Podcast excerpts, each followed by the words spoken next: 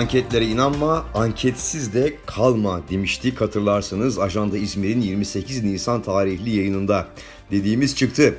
Anketlerin büyük bölümünde öngörülen sonuçların sandığın gerçekliğiyle bir ilgisinin olmadığı görüldü.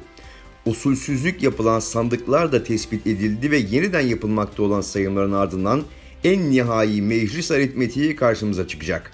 Ancak her şekilde anketlerin büyük çoğunluğu bir kez daha yanılmış görünüyor.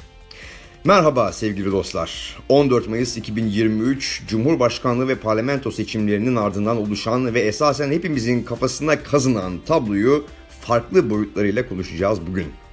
Öncelikle ve özellikle hepinizin 19 Mayıs Atatürk'ü anma Gençlik ve Spor Bayramınızı kutluyorum. Hepiniz bıktınız biliyorum. Ama evet seçimlerden söz edeceğiz. Bıkmak yok, yola devam dememiz gerekiyor. Ben de biraz asabiydim geçen hafta. Hepimiz biraz asabiydik. Neyse ilk tur bitti. İlk kez ikinci tur seçim yaşayacağız.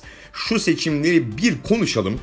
Programın sonunda futbol gündeminin de ardından 19 Mayıs hakkında birkaç sözüm daha olacak. Kuru bir kutlamayla bırakacak değiliz tabii ki ülkemizin bu önemli bayramını. İzmir'de milletvekili seçimlerinin sonucunda çok ilginç bir parti dağılımı ortaya çıktı. 28. yasama döneminde Demokrat Partisi'nden Devrimci Parti'ye kadar siyasi yelpazenin birçok cenahından vekillerimiz olacak Ankara'da İzmir olarak. Ve baktığımızda 28 milletvekili var biliyorsunuz İzmir'in. Ee, daha önceki yayınlarımızda da yayınlarımızdan birinde de detaylı olarak adayları ve seçim bölgelerini konuşmuştuk. Hangi parti ne kadar milletvekili çıkardı İzmir'de baktığımızda? Cumhuriyet Halk Partisi 10 milletvekili çıkardı toplam 28 milletvekili içinde. AK Parti 8 milletvekili çıkardı. İyi Parti'nin 3 milletvekili var. Demokrat Parti'nin 2 milletvekili var. Yeşiller ve Sol Gelecek Partisi'nin 1 milletvekili var. MHP'nin 1 milletvekili var. Deva Partisi ve Gelecek Partisi'nin de birer milletvekilleri var ve Devrimci Parti'de bir milletvekiliyle temsil edilecek. Genel tablo buydu parlamento aritmetiğinde, parlamento meclis tablosunda. Cumhurbaşkanlığı seçimi ise biliyorsunuz ikinci tura kaldı. Cumhurbaşkanlığı seçiminde iller bazında hangi adaya yüzde kaç oy çıktığı ancak o ilin genel çerçevesinin anlaşılması adına bir anlam taşıyor. Bu açıdan ifade etmek gerekirse Cumhurbaşkanı adayı Kemal Kılıçdaroğlu'na İzmir'de %60'ın üzerinde bir oy çıktı. %62 civarında.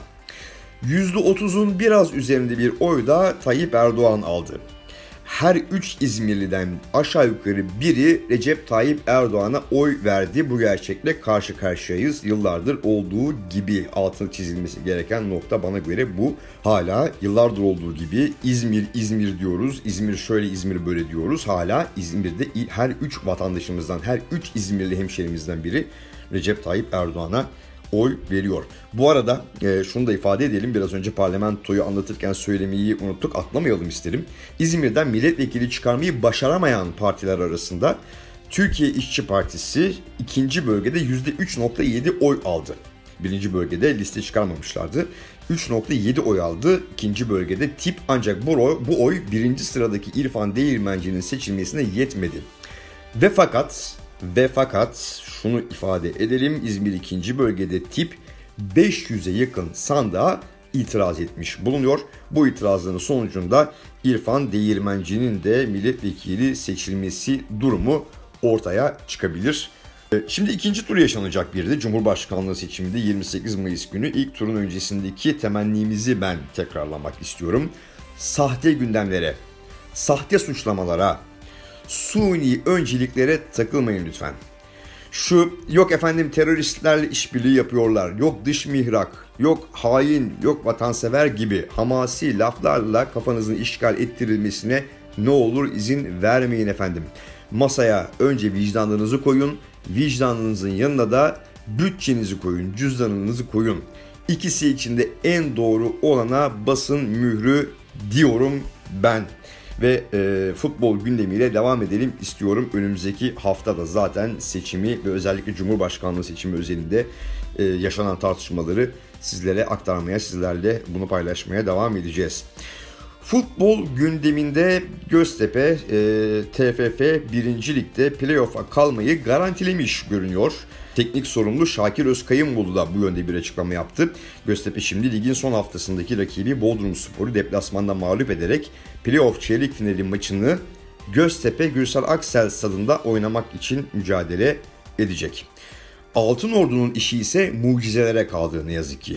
Mutlaka yenmesi gereken Erzurumspor'a İzmir'de 1-0 yenilen Altın Ordu'nun bu hafta lig üçüncüsü Rize Spor'u yenmesi, bunun yanında Erzurumspor'un da kendi sahasında Bolu Spor'a yenilmesi gerekiyor.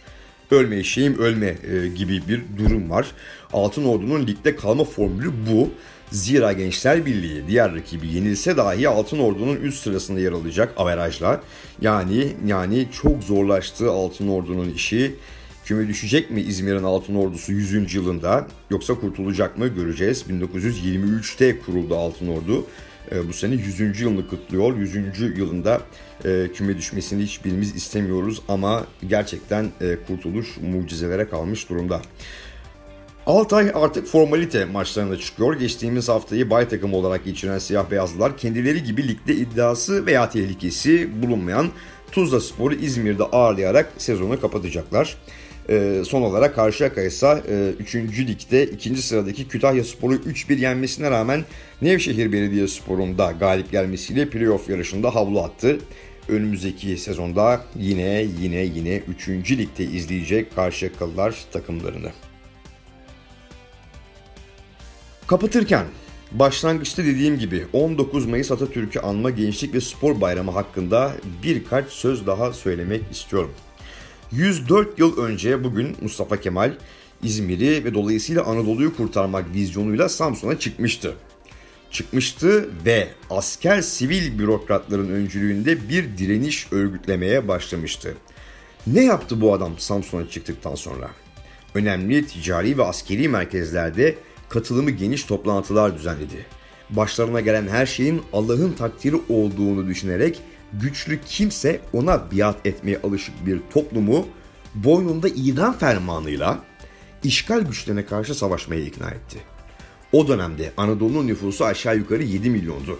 150-200 bin kişilik bir ordu toplayabildi ve elinde avucunda ne varsa beyin gücü ve stratejiyle yoğurup İzmir'i kurtardı, Anadolu'yu kurtardı. Sonrasında malum bildiğiniz gibi. İşte bütün bunların başladığı gün 19 Mayıs. Bütün bunların başladığı gün. Atatürk'ün kendisi de doğum gününü 19 Mayıs olarak kabul eder bilirsiniz. Ajanda İzmir dinleyicilerinin bu tarihsel bilinçle ikinci turda oy kullanacaklarını zaten biliyorum ve diliyorum ki herkes herkes bu bilinçle kullanır oyunu. İkinci turdan önce bir yayınımız daha olacak. Bakalım o yayınımızda yani haftaya neleri konuşacağız sevgili dostlar. Ben Engin Tatlıbal. Güzel bir hafta geçirmenizi diliyorum. Hoşçakalın.